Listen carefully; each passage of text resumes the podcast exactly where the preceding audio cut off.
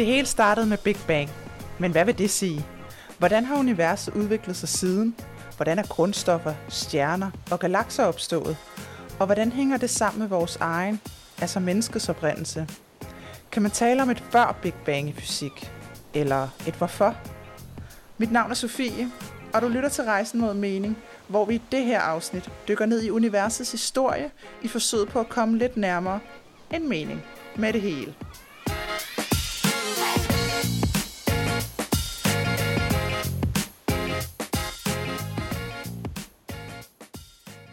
Og til at komme de spørgsmål nærmere, er jeg i dag taget ud for at besøge astrofysiker og videnskabsformidler Tina Ibsen. Hej Tina. Hej Sofie. Vi øh, sidder her på dit kontor i dag og skal snakke om, øh, om Big Bang og om grundstofdannelse, og øh, jeg glæder mig meget. Er der en bedre måde at bruge en formiddag ja. på? Præcis, nej, nemlig. Det tror jeg ikke. Nej. øhm, så tak fordi du vil være med. Tina, du har jo din egen podcast, der mm. hedder Rumsnak. Ja. Og så har du skrevet øh, to bøger. Den ene handler om nordlys, og den anden handler om øh, universets historie. Mm.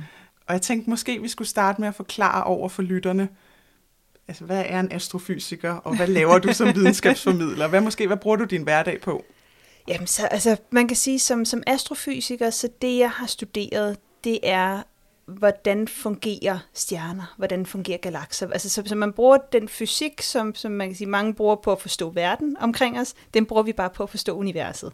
Så, så det er jo en masse med elektromagnetisme, termodynamik og kvantefysik og sådan noget. Bare noget, der foregår i stjerner og planeter og galakser langt væk. Jeg har så valgt, i stedet for at gå ind i forskning og lave altså meget af det her programmering og regne og så videre, øh, valgte jeg meget tidligt, at jeg synes simpelthen, det der var interessant, det var formidlingsdelen. Så man kan sige, det er jo næsten sådan den bløde humaniora øh, afart af, af astrofysik. Så, så det jeg egentlig laver, jamen det er jo at prøve at tage de her koncepter, som jeg har fra min baggrund, og gøre dem tilgængelige for folk, der ikke har en grad i astrofysik. Så det her med at sige, hvordan taler vi om ting, der ligger meget langt væk, er meget store størrelser, eller meget, meget småt, øh, og få kan man sige, omformet det til hverdagssprog. Ja. Jeg bliver sådan lidt nysgerrig på, hvad fik, dig, øh, hvad fik dig til at skrive en bog om universets historie med den vinkling? Fordi bogen starter jo med, at du ligesom siger, et menneske det består af de her, de her grundstoffer, mm. og så prøver du egentlig at gå på jagt efter dem. Så hvordan fik du ideen til det, eller lysten til det? Jeg, jeg tror, det er sådan en, altså den, den har faktisk kørt over rigtig mange år. Øh, så som man siger, bogen er sidste mutation af, af, af den her øh, idé og den her øh, fortælling, jeg har haft arbejdet med, fordi tit når vi taler om astrofysik, øh, om rumfart og, så videre, jamen så noget af det, jeg, jeg får, får tilbage fra folk, det er, at de siger, Tina, det er jo noget, der ligger rigtig langt væk. Hvorfor skal vi overhovedet interessere os ja. for det her? Hvorfor er det spændende for mig? Øhm, og det jeg kunne se, det er jo, jamen det er jo faktisk vores fortælling. Altså fortælling om universet er jo faktisk den fortælling, der ender med os. Øhm, og det synes jeg var vigtigt at få i talsat.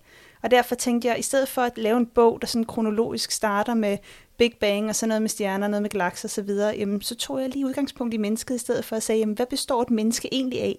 Jamen, vi består af noget øh, hydrogen, altså brint, vi består af noget helium, en lille smule i hvert fald, øh, så har vi noget jern i os, vi har noget zink, vi har øh, lidt bly og sådan noget. Og hvor kommer de her grundstoffer så egentlig fra? Øhm, og det er jo så for at forklare, hvor de her grundstoffer kommer fra, jamen så bliver vi simpelthen nødt til at forklare hele universets historie. Ja. Så det var sådan en krog for at få lov til at virkelig nørde igennem. Og det synes jeg jo også at, at, at er en vigtig ting, og det er noget, jeg også gør i min, kan man sige, i mit, mit, mit, mit virke, at jeg siger, at det, det er simpelthen vigtigt, at vi også får lov at nørde lidt. Det skal ikke alt sammen være let spiseligt. Vi skal også nogle gange udfordres lidt. Øh, fordi det er astrofysik jo også. Det er jo nogle store tal. Det er jo nogle ting, som kan være lidt svært for sin hjerne omkring. Men jeg synes, det er vigtigt, at, øh, at vi også går ind og taler om det.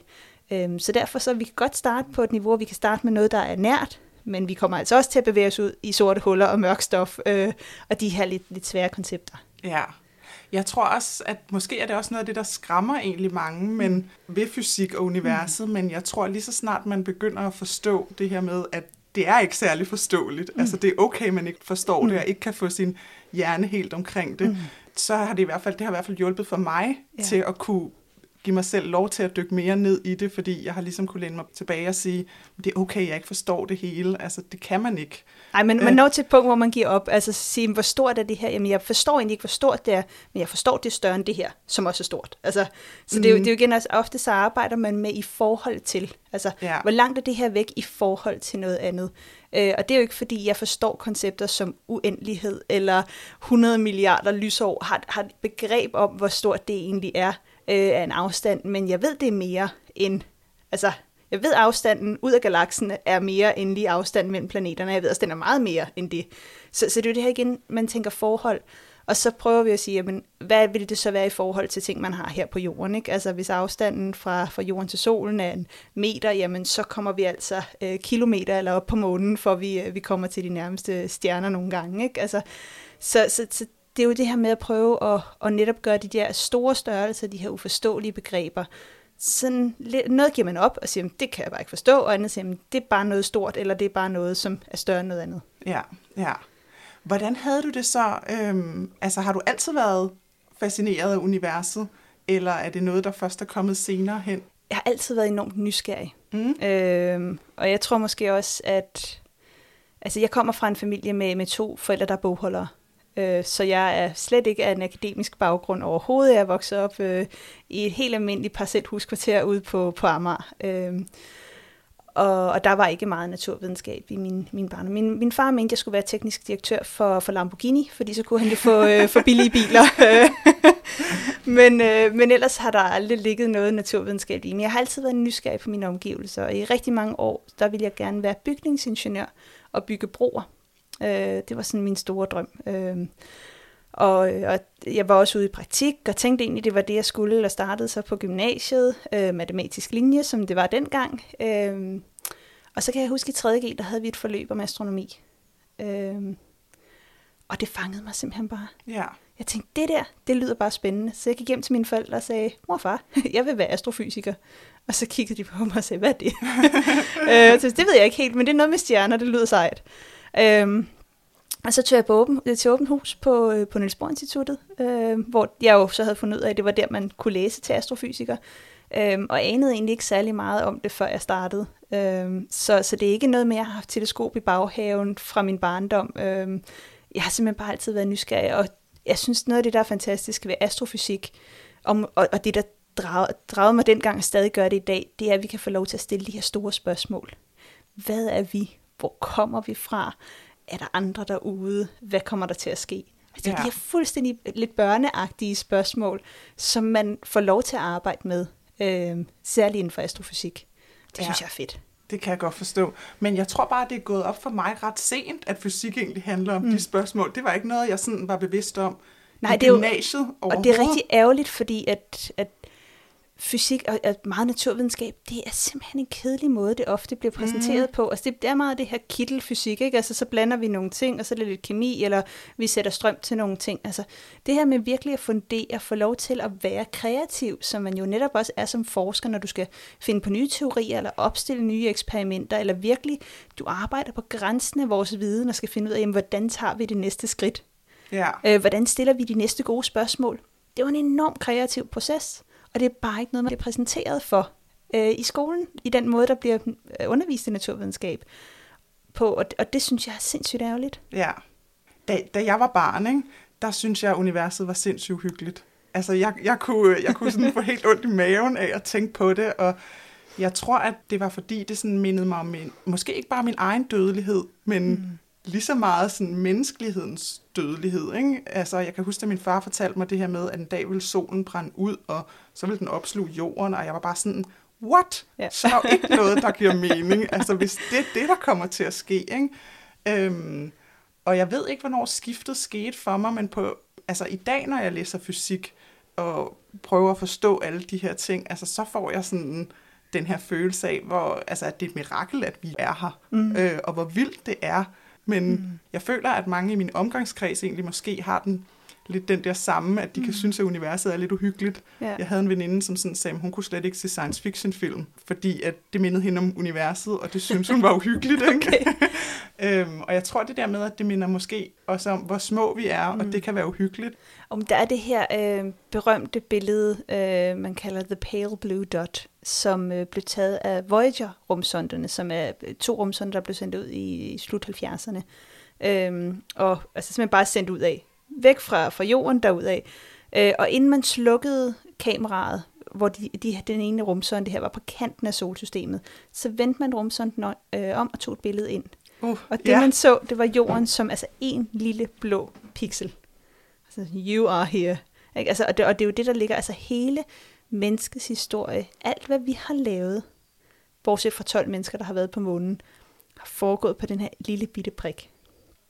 Det minder os om, hvor små vi er, og det minder os også om, hvor sårbare vi er. Mm. Øhm, og, og der, der tror jeg, altså, jeg kan huske selv fra mit formidlingsarbejde, jeg har vist det her billede nogle gange, og, og folk har nemlig enormt forskellige reaktioner. Nogle tænker bare, åh, se alle de muligheder, se et kæmpe univers, vi kan udforske. Sådan en type er jeg selv. Ja. Og så er der nemlig andre, der, der kigger og siger, åh, det synes jeg godt nok er uhyggeligt. Prøv at mm. tænke på, hvor små vi er, og prøv at tænke på, hvor stort det er, den her intethed. De kan ikke rumme det.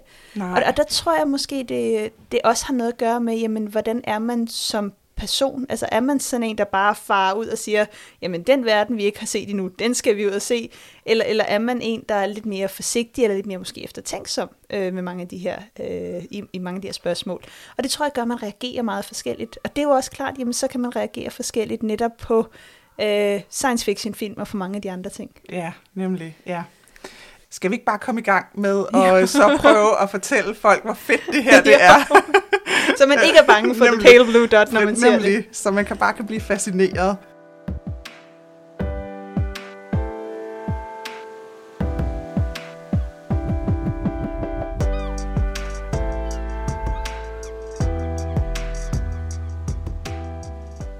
Så hvis vi skal starte med, hvordan det hele startede med Big Bang, øhm, Ja, hvor skal vi så starte, Tina?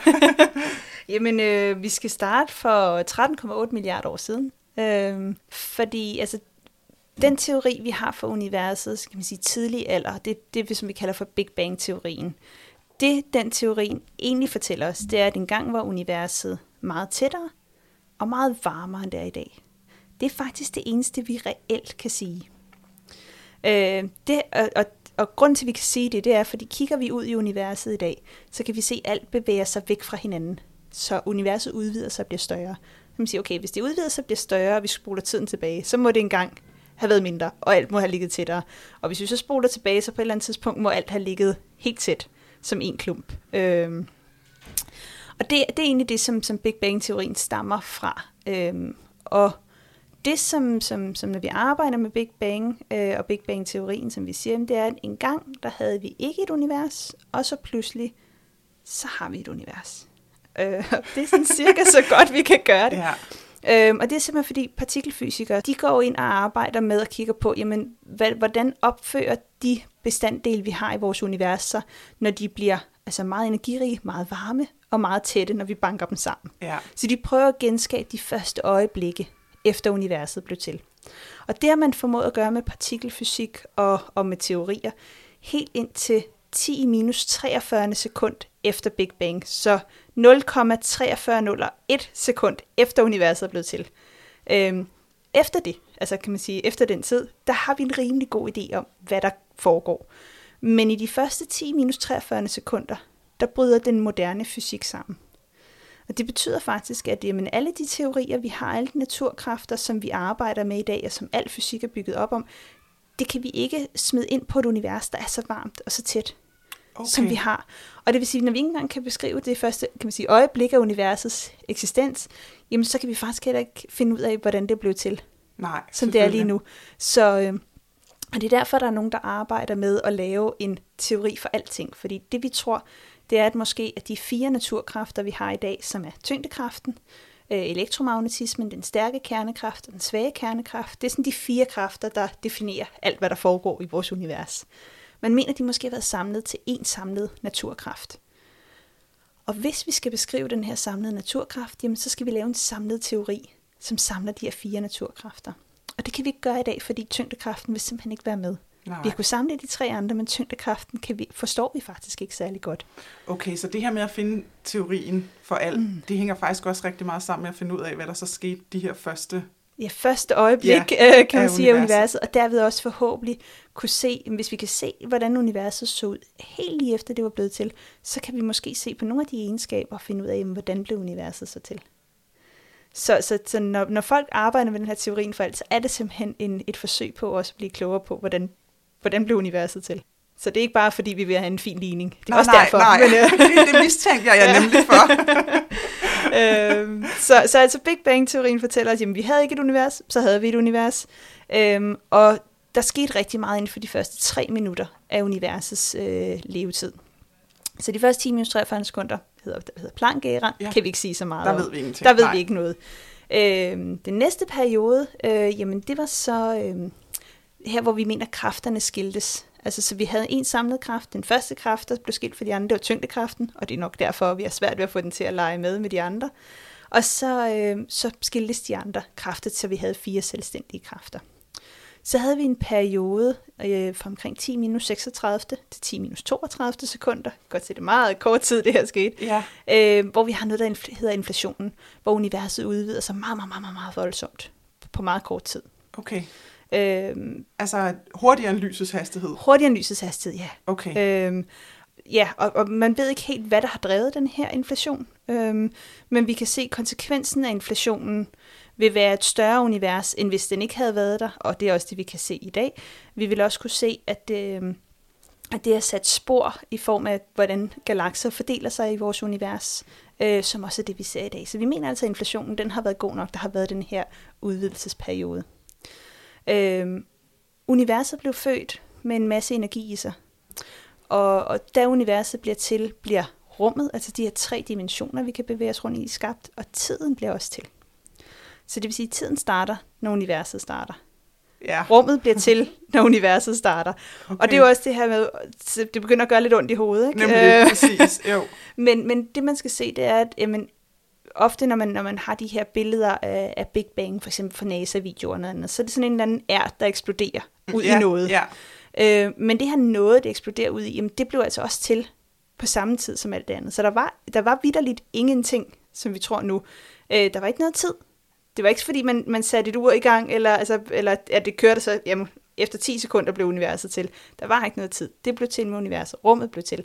Og al den her energi, der er i universet. Og, øh, og det, der så sker, det er, jamen, al den her energi, der er, der universet bliver til, bliver fordelt over et større og større område, fordi universet udvider sig. Og så begynder det at køle. Øh, Så det bliver koldere og koldere, og inflationen, da det virkelig ekspanderer, eller udvider sig meget voldsomt, jamen, så begynder det at køle meget hurtigt. Men det er så, altså, er det en eksplosion, der sker, eller er det mere en... Fordi jeg forestiller mig også nogle gange, du ved, sådan en bolledej, der ligesom bare mm. hæver sig, ikke? Jo, og det, og det er jo det, altså, det er jo også det, hvor man siger, hvor, hvor stort er universet, hvad form har universet? Så tit så tænker man nemlig, "Jamen, det er jo, det er jo et rundt univers, der bliver Ja, større. ja. Men der er faktisk ikke noget, der fortæller os, at vi har et rundt univers. Nej, okay. Altså, for så vil vi jo have en kant, og hvad er så på den anden side? Det kan vi ikke sige noget om. Nej.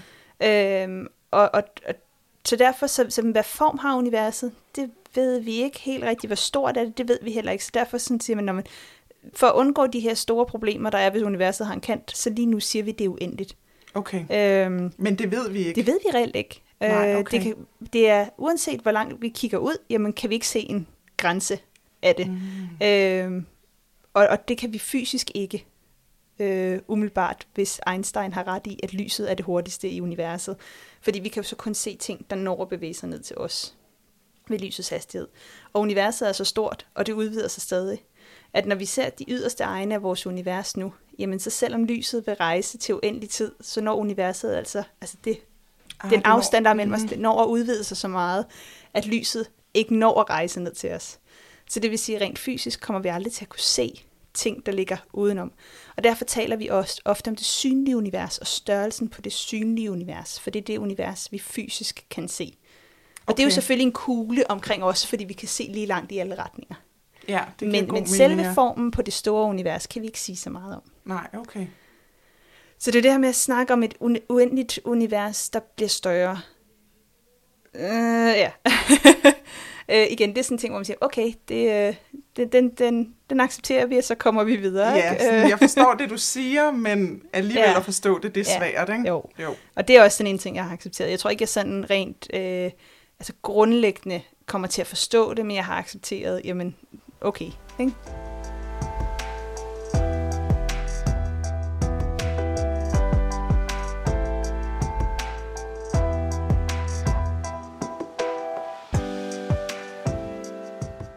Så altså, vi har det her energi, der bliver dannet, øhm, og i lige en periode før det første sekund, jamen der det her energi, det kan samle sig til de første partikler. Så det kan samle sig til partikler og antipartikler. Så vi kan få for eksempel en elektron og en positron, som er en antielektron.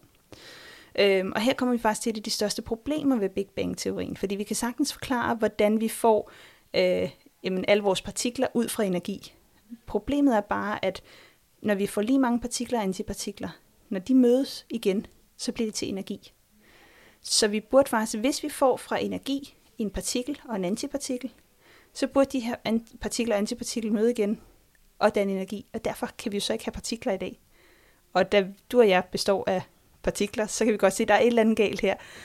Så det ser ud til, at der på en eller anden måde er dannet flere kan man sige, almindelige partikler end antipartikler.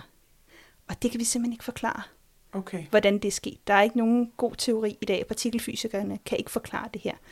Øhm, men ja, det har vi jo så må, må, måtte få gjort. Øh, der er et eller andet, der er sket, og vi kan heller ikke se, at det sådan er, at vi har en partikelgalakse, og så har vi langt væk en antipartikelgalakse. For så kan man for, for, altså forestille ja. sig, at det så var fordelt på den måde. Men det er altså heller ikke, hvad vi ser. Øh, vi ser stort set ikke noget antistof i vores univers. Øh, fordi lige så snart det møder almindelig stof, så bliver det til energi. Øh, så Ja. Okay. Så, så der, der har vi et af de store problemer. Men, men af en eller anden grund, så må vi jo så have haft lidt mere af det her almindelige stof end antistof tilbage. Øhm, og det, der så sker, jamen det er cirka et sekund efter universet er blevet til, der får vi dannet de første protoner og neutroner. Og protoner og neutroner, det er det, der udgør atomkerner. Så der får vi faktisk dannet øh, de første simple øh, atomkerner. Vi får dannet de første øh, ja, grundstoffer. I løbet af de næste tre minutter samler de sig så de danner noget øh, brint, og der bliver dannet noget helium og en lille bitte smule lithium, som er grundstof nummer 3. Og her kommer faktisk den største styrke ved Big Bang-teorien, fordi Big Bang-teorien fortæller os, at hvis vi er gået fra et univers, vi har noget energi, og så kommer vi frem til øh, det, vi har i dag, jamen så bør vi faktisk de her tre minutter cirka efter Big Bang se et univers med cirka 75% hydrogen, lige under 25% helium, og så en lille bitte smule lithium. Kigger vi tilbage i det tidlige univers, så er det lige præcis det, vi ser. Og så har vi jo en teori, der forudsiger noget, vi kan gå ud og observere. Og hov, det er jo så egentlig en ret god teori, selvom den har sine problemer. Og derfor så har Big Bang-teorien har kunne forklare os en masse om, jamen vi har stadig et univers, vi kan se, der ikke er det absolut nulpunkt, det køler en lille smule. Det giver jo god mening, fordi det har været meget varmt en gang, og det er stadig ved at køle ned. Vi kan se, hvordan alting er fordelt. Universet er stort set ens på stor skala. Det giver også god mening, hvis det var dannet samme sted. Øh, vi ser den her fordeling af stof, som også vil give mening, hvis vi har fået dannet noget af det simple først, og så noget af det mere og mere, mere komplicerede derefter, øh, som vi også ser. Det er jo derfor, at Big Bang-teorien stadig er den førende for vores universdannelse, selvom den har sine problemer. Okay, så man kan sige, den den holder faktisk ind til et vis punkt, hvor at så er der nogle ting, man ikke kan forklare her helt tilbage. Blandt andet det her med partikler, antipartikler, mm. og så også, hvad der skete helt ja. i starten, ikke? Præcis. Okay.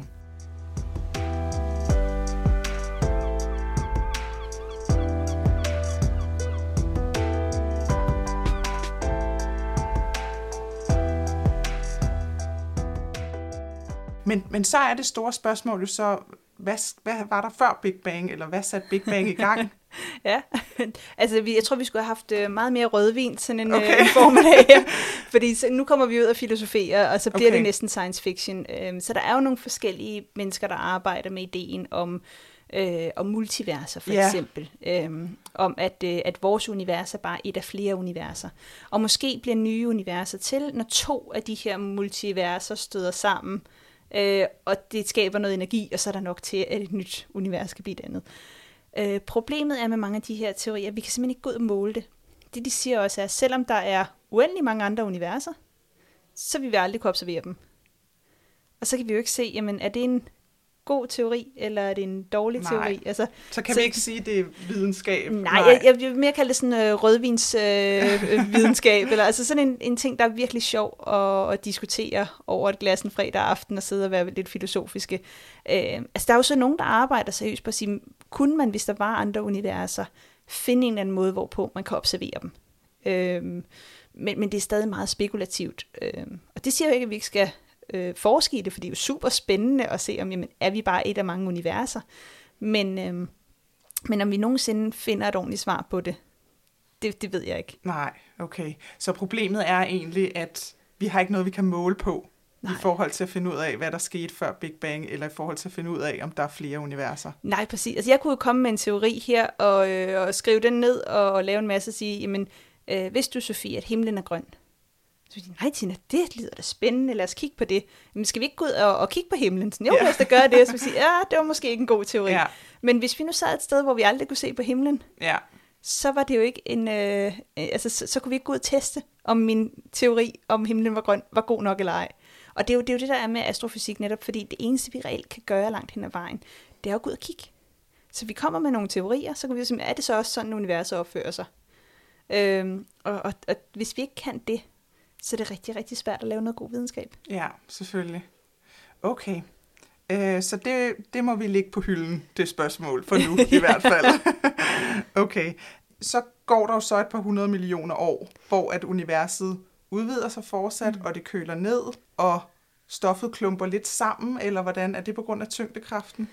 Ja, så faktisk øh, en af de, øh, de vigtige ting, som inflationsteorien, som den her periode, hvor universet udvider sig voldsomt, fortæller os, at det er, at selvom universet er, er fuldstændig, altså burde være ens på stor skala, så er det altså kun på stor skala.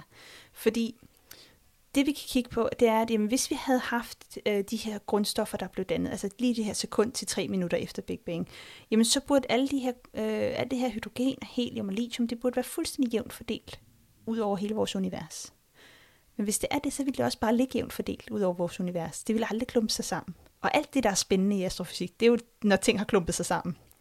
Men det, man mener, det er, at fordi universet udvider sig så voldsomt, så små svingninger og små øh, ujævnheder, øh, der var på, på altså mikroskopisk skala, helt nede på, hvordan de, altså de mindste, mindste, mindste partikler opførte sig. Øh, små ændringer i det har så skabt en, øh, en, en kan man sige, en, en, en, vi kalder det svingninger, altså til simpelthen øh, nogle steder, hvor universet kunne klumpe sig mere sammen end andre, på stor skala, da universet blev blæst op. Og det gjorde altså, at nogle steder, så var der en lidt større tæthed af materiale end andre. Og over de næste, ja, de her omkring 200 millioner år, jamen til de her steder, hvor der har været lidt tættere materiale, det kunne så begynde at klumpe sig sammen via tyngdekraften. Okay. Øh, og hvis der ikke havde været de her små forskelle, jamen så havde vi nok ikke haft noget af alt det, der var spændende. Så havde vi, fordi vi tog jo også bare klumper af materiale, der har samlet sig. Øh, så var der simpelthen ikke noget af alt det. Nej. Så det er lidt heldigt. Det er, ja, og, og det er jo det store spørgsmål, Ja. ikke? Altså, og, det, og det er jo også noget af det, ja, der gør, det er det at, at, spørgsmål. Jamen, altså, er det rigtigt. heldigt, eller er det tilfældigt? Ja, Øhm, og det er, jo, det er jo faktisk også en af grundene til, at der er nogen, der spekulerer i de her multiverser, fordi der er simpelthen virkelig sket så mange ting, som gør, at lige præcis så har vi mulighederne for at have et univers med liv. Vores, øh, øh, vores naturkræfter er lige de rigtige størrelser i forhold til hinanden, til at vi kan få dannet stjerner, til vi kan få dannet mennesker, til vi kan få dannet alting. Er det en tilfældighed? Det virker sådan lidt, vi, vi er ikke glade for tilfældigheder, der er for perfekte. Så er det designet? Det er der jo nogen, der mener. Øhm, så er der andre, der siger, at hvis vi nu har uendelig mange universer, og de alle sammen har forskellige øh, egenskaber, jamen så må der jo være nogle universer, der lige har de her egenskaber, som vi har. Så bor vi så bare tilfældigvis i det. Så vi bor i et univers, hvor liv kan eksistere. ja. Øh, men tættere på det bliver svært at komme. Ikke? Altså, så, så, så forklare, hvorfor det er sket. Øh, det er ikke rigtig sådan en, det er ikke et fysikers spørgsmål som sådan. Vi, vi og arbejder ofte med hvordan. Og så er det jo måske filosofien, og måske egentlig også troen, Ja. der kommer mere over i hvorfor, ikke? Det er filosofi Ja. og teologi, der, der kommer ind og overtager der. Ikke? Ja, ja. jo.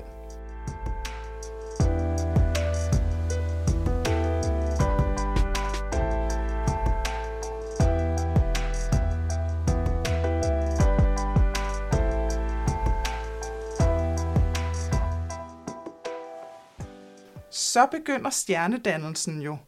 Og hvordan gør den det?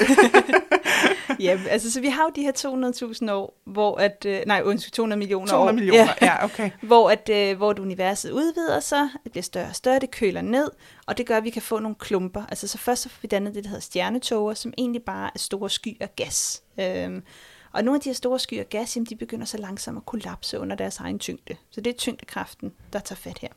Og det, der sker, det er, at det her gas bliver presset sammen til tættere, tættere, tættere kugler. Og når vi, har, når vi presser en gas sammen, så siger termodynamikken, at jo mere vi presser en gas sammen, jo varmere bliver den. Det er sådan helt, øh, man kan prøve det derhjemme med en, øh, hvis man har sådan en gammel cykelpumpe. Mm. Øh, så kan man sætte, øh, hvis man fylder den med luft, sætter fingeren for, og så prøver at presse luften sammen, så kan man mærke, at cykelpumpen bliver varm. Det er nøjagtigt det samme, der sker her. Man presser en gas sammen ved tyngdekraften. På et tidspunkt, så bliver den her gas presset så meget sammen, at den opnår en indre temperatur på 15 millioner grader. Og når man opnår en indre temperatur på 15 millioner grader, så det der sker, det er, at vi kan få dannet fusionsprocesser. Så det der sker, det er, at vi har hydrogen inde i stjernerne, der begynder at støde sammen og fusionere til helium. Og i den proces bliver der frigivet noget energi, og det er det, der får stjerner til at lyse. Øhm, og, og det er simpelthen det, så, så det der sker, det er, at vi får altså de her skyer gas, der falder sammen. Inde i centrum bliver der 15 millioner grader varmt. Vi får dannet fusionsprocesser, øhm, og det får de her klumper af gas til at lyse. Og det er her, hvor vi får dannet de første stjerner. De her fusionsprocesser er rigtig svære at få til at ske, så derfor sker de langsomt. De sker ikke alle sammen på én gang, så de sker over en periode. Øh, og jo større en stjerne er, jo flere af de her øh, hvad hedder det, fusionsprocesser sker der, jo varmere og mere lysende bliver stjernen. Jo mindre en stjerne er, jo mindre tryk er der til at få det til at ske, øh, og jo koldere bliver en, en stjerne. Så det er derfor, vi har små og lidt kolde stjerner, vi har store, meget varme stjerner. Det har simpelthen noget at gøre med, hvor meget masse er der, til vi kan trykke tingene sammen. Jo høj, hvor høj temperatur, hvor højt tryk bliver der inde i centrum af stjernen, og hvor hurtigt kan de her fusionsprocesser, der den energi, så ske. Okay. Og det er jo så noget, det er bare for, at vi ligesom får alle med. Mm. Det er jo noget, der sker inde i kernen af atomerne, ja. ikke? Jo, øh. præcis. Så, så det vi har, det er, at vi har jo vores atomkerner, så vi har vores, vores hydrogenkerner, som egentlig bare er protoner. Øh, protoner, de har en positiv ladning. Øh, og når vi har to protoner med en positiv ladning, så frastøder de hinanden. Lidt ligesom hvis vi kan huske de der stangmagneter fra fysiklokalet, når man satte den røde og den røde side mod, så frastødte det. Det samme gør øh, de her atomkerner. Men på et tidspunkt, så kan man få dem tæt nok på hinanden, fordi øh, det, der frastøder de her to atomkerner, det er det, vi kalder den elektromagnetiske kraft. Øh, det er den næst svageste af alle kræfterne. Den svageste, det er tyngdekraften. Så vi har den elektromagnetiske kraft, den frastøder den. Men hvis man kan få de her atomkerner tæt nok på hinanden, for eksempel ved at speede dem op, som sker, når det bliver varmt, så temperatur er faktisk bare et udtryk for, hvor hurtigt partikler bevæger sig. Så jo varmere det bliver, jo hurtigere bevæger de sig. Og hvis vi på et tidspunkt kan få speedet dem så meget op, at de kan komme næsten helt tæt på hinanden, før de jo selvfølgelig bliver frastødt. Men hvis vi kan få dem tæt nok på hinanden, så sker der det, at den stærke kernekraft, der holder atomkernerne sammen, får dem til at fusionere og smelte sammen. Øh, det hedder om, øh, overvinde Coulomb-barrieren. Okay. Øh, så, så kan den stærke kernekraft tage over, og så får vi altså dannet en ny kerne. Okay. I den proces bliver der så frigivet noget energi, og det er det, der får stjernerne til at lyse. Okay, og så er der så dannet et helt, en helt så, ny så atomkerne. Så er der dannet en, en ny og tungere atomkerne. Og okay. det her sker så i tre steps, hvor vi går fra øh, hydrogenkerner til det, vi kalder helium-4-kerner, som består af to protoner og to neutroner inde i, i atomkernerne. Så vi får simpelthen omdannet hydrogen til helium inde i stjernen, mens vi danner noget energi. Okay. Det er så, hvordan en stjerne bliver dannet. Mm. Hvad så, øh, fordi grundstofferne dannes jo i stjernerne. Mm. Hvordan sker den proces så? Er det den samme proces, der sker, men hvor at hvad skal man sige, grundstofferne går steppet videre? Ja, det kan man godt. Jamen, det er det faktisk. Altså, så, så, så, så når hydrogen omdannes til helium i en stjerne, så kalder vi øh, stjernen for en hovedseriestjerne, eller på engelsk en main sequence star. Og de fleste af de stjerner, vi kender, er på deres hovedseriefase. Solen for eksempel er på sin hovedserie lige nu. Øh, en stjerne som solen, den er ret lille, øh, så den kan omdanne hydrogen til helium i omkring 10 milliarder år. Når det er sket, så, øh, så bliver der ikke dannet mere energi. Og det er sådan, at kigger vi på hovedseriestjerner, så øh, er de sådan en konstant kamp mellem tyngdekraften og energidannelsen øh, og gastryk inde i midten. Så det der har, det er, at vi har tyngdekraften, der prøver at få hele den her stjerne presset sammen til et lille punkt. Inde i centrum, der har vi jo sådan en varm temperatur, vi har noget energi, der bliver dannet. Øh, og det her energi- og gastryk, det prøver faktisk at få stjernen til at gå fra hinanden. Så vi har det, der hedder hydrostatisk ligevægt. Så vi ender med en ligevægt, hvor vi har den samme mængde tyngdekraft, der presser ind, som vi har en kraft, der prøver at få det hele til at gå fra hinanden, og derfor holder den sin størrelse. Men når vi i solen har fået omdannet alt hydrogen til helium, så forsvinder den her energiproduktion jo. Og det vil sige, at noget af den kraft, der presser ud af, forsvinder. Så får tyngdekraften lov til at overtage. Den presser det hele meget, meget mere sammen, og vi ved, når vi presser en gas mere sammen, så bliver den varmere. Og på et tidspunkt, jamen, så bliver det så varmt, at, øh, at vi kan fusionere helium-4 til kulstof. Øh, det kommer også til at ske ind i solen. Fordi at det der er, det er, at øhm, når vi har en helium-4-kerne, som vi havde fået dannet, så er den meget tungere. Og det vil sige, at hvis vi vil fusionere en helium-4-kerne, så skal vi altså have speedet den op til en meget højere hastighed. Og det kræver altså noget mere energi. Og det er der ikke i solen, når den er på sin hovedserie. Så derfor fusionerer øh, helium i sig selv ikke. Det kræver noget mere.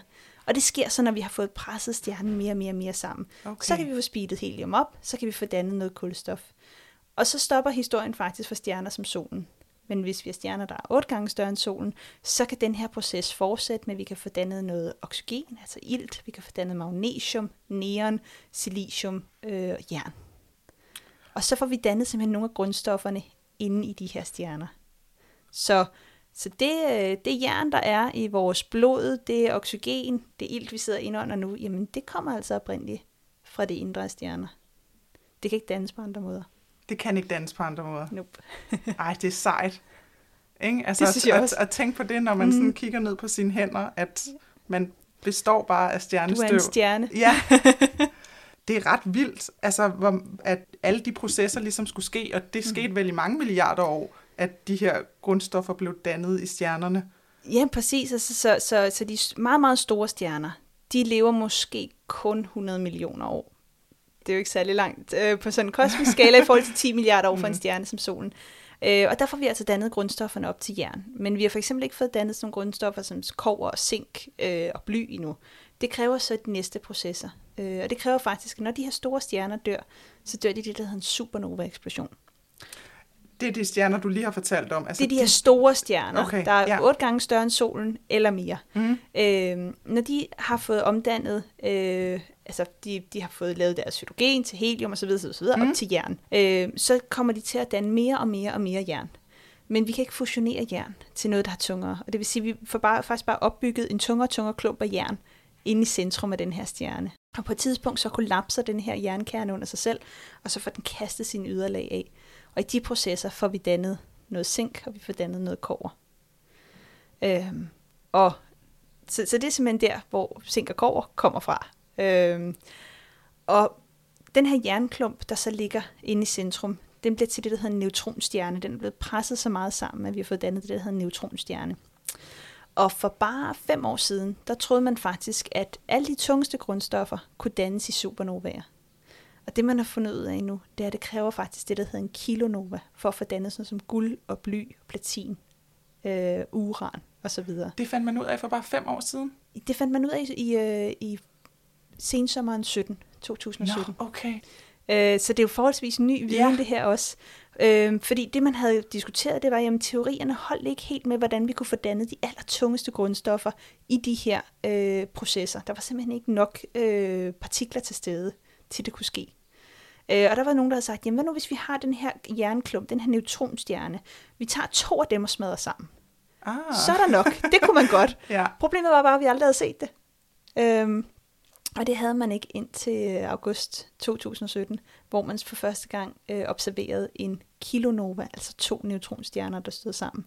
Og det man kunne se i den, det her sammenstød, det var, at der blev dannet guld, bly, platin, uran.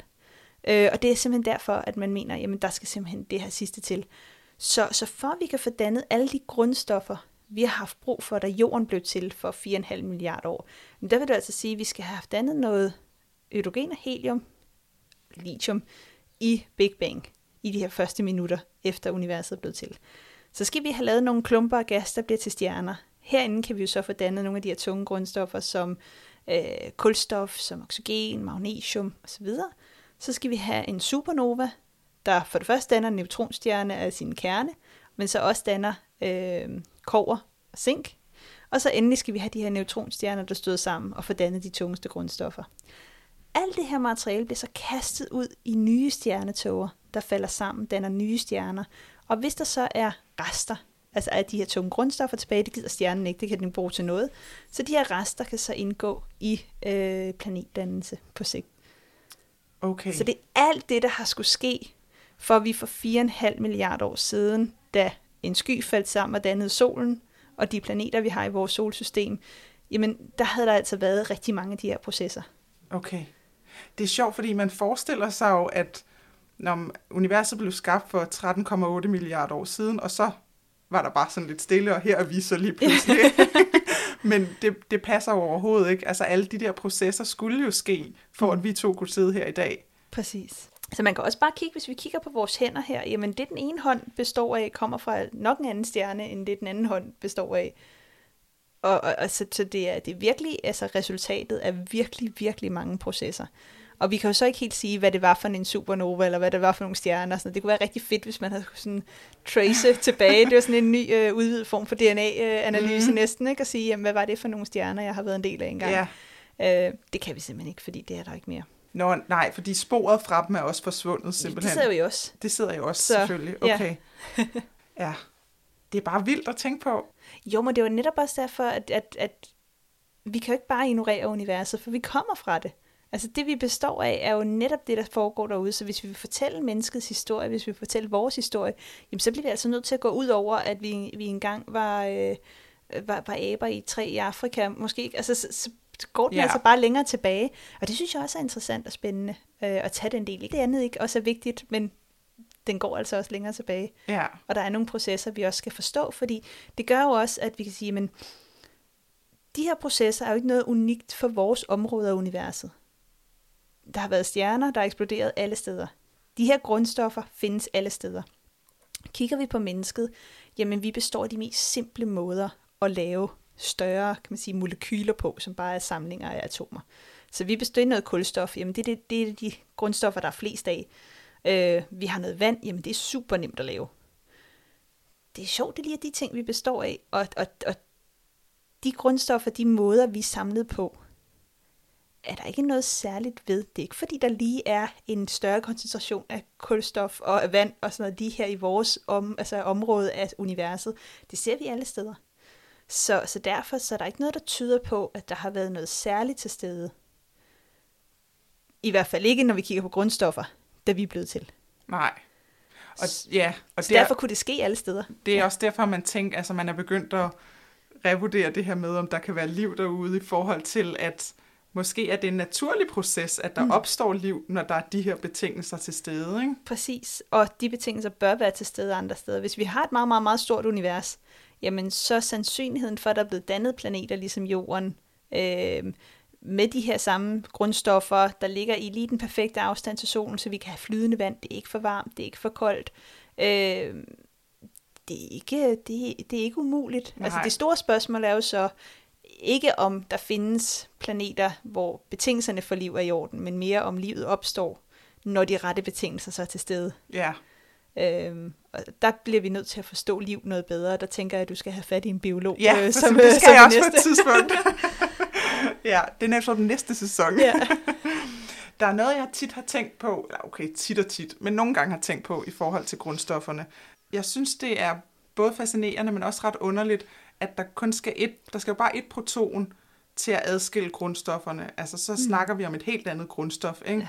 Ja. Øh, for eksempel guld, det har 79 protoner, mm. men hvis man tager øh, 80 protoner, så har vi lige pludselig kviksøl. Ikke? Mm. Og det har jeg svært ved på en eller anden måde at forstå, ikke? at der bare skal et proton til at adskille dem.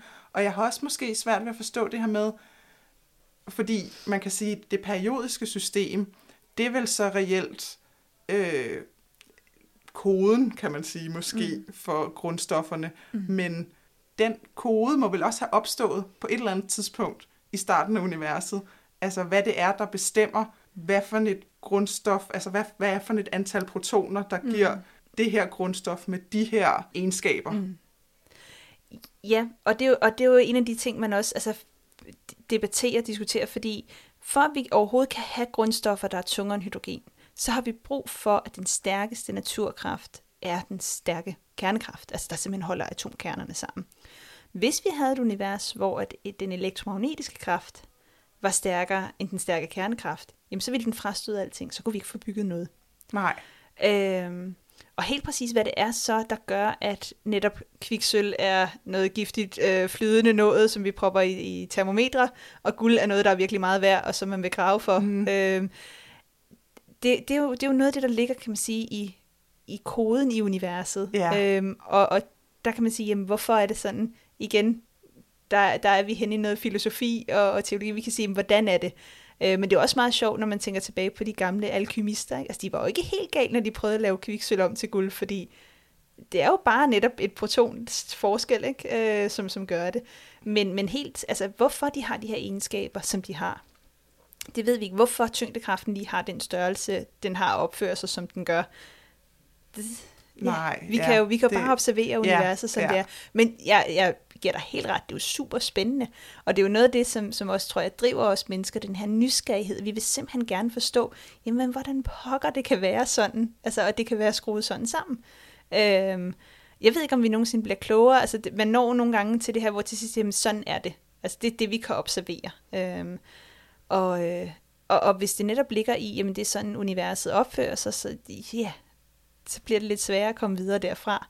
Men mindre vi så netop kan gå ud og begynde at pille ved, jamen hvad skal der til for at danne et univers? Ja, Og hvordan kan det være, at det lige har været de her egenskaber, som vores univers har fået?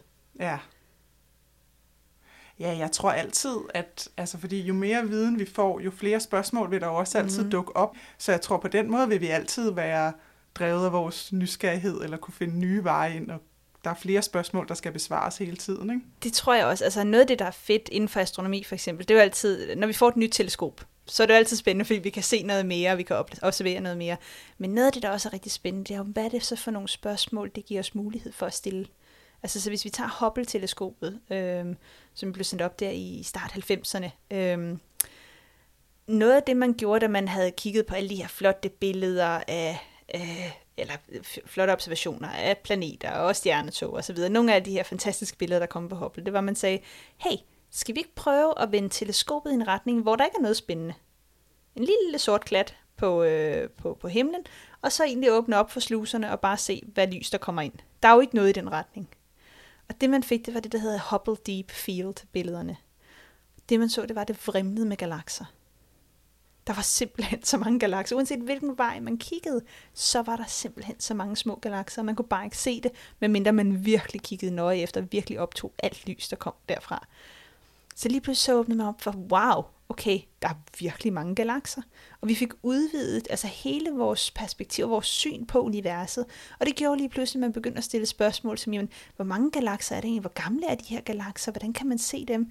Øh, og det er noget af det, der altid er fedt, når der kommer nye missioner. Det er, altså for det første, så ved man jo godt, man har jo nogle, nogle mål for, hvad man skal observere. Men næste step er jo så også, jamen, hvad er det så for nogle spørgsmål, vi får mulighed for at stille? For det er jo også det, der ligger til grund for den næste mission, der så kommer, øh, som man så vil arbejde med. Ikke? Jo. Øh, så, så, så reelt videnskab er jo at stille de gode spørgsmål og prøve at designe forsøg og observationer til at ja. Få dem besvaret.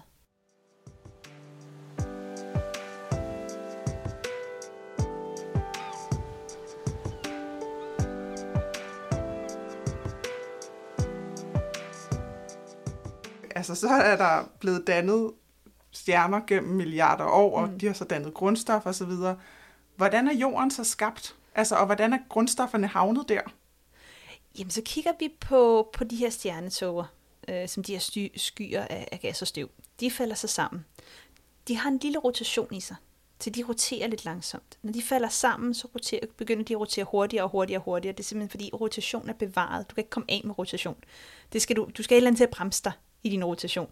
Øh, og det vil sige, når den her sky falder sammen, begynder den at rotere hurtigere og hurtigere og hurtigere. Inde i centrum får vi dannet solen i vores solsystem med over 99% af al massen fra den her stjernetog. Så den, den, den suger altså langt det meste til sig. Men omkring den her centrale klump i midten, der vil der så blive dannet en skive af materiale. Og det er ofte her, hvor de tungere grundstoffer vil ligge. Så i den her skive omkring, jamen der begynder materiale langsomt at samle sig i klumper. Øh, og de her klumper vokser så større og større og større, så de vil først have nogle klumper, der hedder øh, protoplaneter eller planetesimaler, alt efter hvor store de er. De vil støde sammen, og så får man langsomt bygget noget større og større og større op. Okay. Det er det, som vi kalder for nebula-teorien, øh, som er den førende inden for, for planetdannelse i dag. Men man har også stødt på nogle problemer, når man arbejder med nebula-teorien. Fordi det, man siger, det er jo, at man skal have nogle, øh, når man har nogle, nogle klumper på centimeter eller meter i størrelsen, og de støder sammen med nogle gange flere tusind kilometer i timen. Hvis vi tager to sten og smadrer dem sammen med 1000 kilometer i timen, så det er jo ikke sådan, at de klumper sammen. Nej. altså så pulveriserer de. Mm. Så man har faktisk rigtig svært ved at finde ud af, hvordan vi får opbygget planeter af en vis størrelse øh, okay. som vi har. Det er det, man kalder for millimeter- eller meterproblemet, øh, alt efter hvilken øh, størrelsesorden man arbejder med. Øh, noget af det, man tror, det er simpelthen, at vand, altså is derude, kan virke som sådan en klister. Øh, så, det er noget af det, man undersøger lige nu. Så der er nogle forskere, der arbejder simpelthen med at prøve at kigge på fjerne planetsystemer, der vil blive dannet. Øhm, det kan man blandt andet gøre med ALMA-teleskopet, der står i Chile, der åbnede i 2013. Og det er de vilde billeder, man kan få af, af de her øh, skiver af gas. Øhm, og så er der også andre, der arbejder med at prøve at computersimulere det her. Og simpelthen sige, hvis vi nu laver en, en simulering i en computer, og propper den fysik, vi kender ind, og en masse partikler, kan vi så få, få, få noget, der, altså kan vi lave en klister.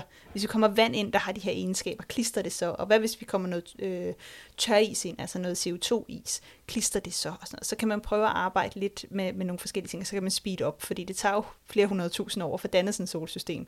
Så vi kigger jo ikke bare ud og siger, så følger vi lige det der og ser, hvad der sker. Nej, det kan man så, ikke. Nej. så har vi et svar om et par hundredtusind år. Ikke? Jo. Øhm, så derfor er det en kombination af at prøve at gå ud og observere, og så også samtidig øhm, arbejde med at, at, at lave de her computersimuleringer.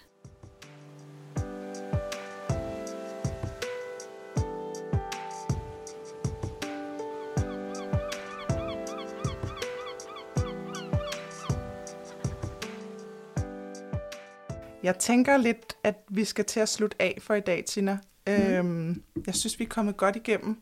Det har været hyggeligt, sådan små 13,8 milliarder års historie. Præcis, øhm, og også fået øh, reflekteret lidt over livet i forhold til det. Der er noget, jeg altid gerne vil spørge mine øh, podcastdeltagere om, og det er, øhm, hvad du selv synes er et meningsfuldt liv. ja, øh, jeg lavede, da jeg var barn, et øh, regnestykke, fordi sådan var jeg skruet sammen, om hvor betydningsfuld jeg egentlig er. Øh, og jeg stillede det op på den her måde, så jeg er en ud af dengang 5 milliarder mennesker på jorden, som er en ud af otte planeter om solen. Solen er en ud af 200 milliarder stjerner i Mælkevejen, øh, som er en ud af milliarder, tror jeg bare, jeg sagde. Det er mange flere øh, galakser i vores univers. Så hvor betydningsfuld og hvor, ja, hvor meget mening giver det egentlig, jeg er her det var meget, meget lille tal. Øh, Præcis, ja. øhm, og det kan jeg huske, jeg sådan reflekterede. Jeg tror, jeg var 11 eller 12, da jeg stillede det her op. Men samtidig har jeg også lige netop lært, at jamen, med evolution og med alt det, der skulle til, øh, for bare at, at blive mig. Så det var sådan det fuldstændig modsat. Der var en masse tilfældigheder, der havde kan man sige, resulteret i mig i sidste ende. Øhm, så, så det fik mig meget til at sådan tænke om, jamen, altså, hvor betydningsfuld er jeg egentlig? Men for nogle er jeg jo meget, men i det store hele er jeg ikke. Og det tror jeg faktisk er noget, jeg har levet lidt efter siden, at, at øh, hvor betydningsfuld er jeg jo egentlig, men i det store hele er jeg jo ikke særlig betydningsfuld. Derfor så, så kan man også give sig selv lidt et break. Altså, at jeg behøver heller ikke gøre alt perfekt, og jeg behøver ikke gøre alting, fordi sidst er det sgu lidt lige meget. øh, solen eksploderer om 5 milliarder år, om jeg altså var pinlig den ene dag, eller om jeg ikke var den anden. Men samtidig for de mennesker omkring mig, og for dem jeg jo så umiddelbart rør, håber jeg da, at, at, at jeg har en betydning for dem. Ikke?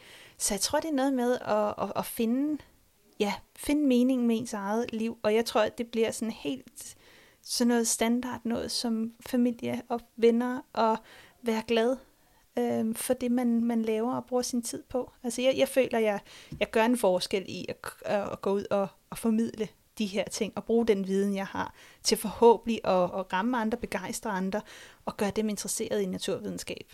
Øh, de behøver ikke være astrofysikere alle sammen. Øh, selvom det kunne være fedt med en hel øh, dansk population af astrofysikere, men, øh, men hvis man bare kan se på verden nøgternt og sige, jamen, hvordan er det egentlig, den fungerer? Det vil jeg da gerne vide mere om. Så behøver det ikke at være noget, man giver, laver en karriere i. Men jeg synes, det er vigtigt, at vi beholder nysgerrigheden. Øh, så jeg tror, jeg finder en mening i, i de ting, de helt simple ting.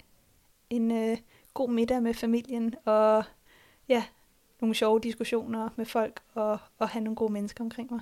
Ja, det kan jeg godt forstå. så. Jeg, øh, jeg hørte på et tidspunkt sådan en podcast om, øh, om hjernen, og der var en, øh, jeg tror det var en, en hun, var psykolog, hun var uddannet psykolog, øh, men var forsker på Princeton University, mm. og øh, havde nogle, altså hun forskede meget i det her med, hvad forklaringer gør for os, og det at mm. kunne forstå ting og kunne forklare ting. Og hun havde faktisk en teori om, at det var, sådan, det var på højde med, altså, med andre nødvendige ting i vores mm. liv. Ikke? Mm.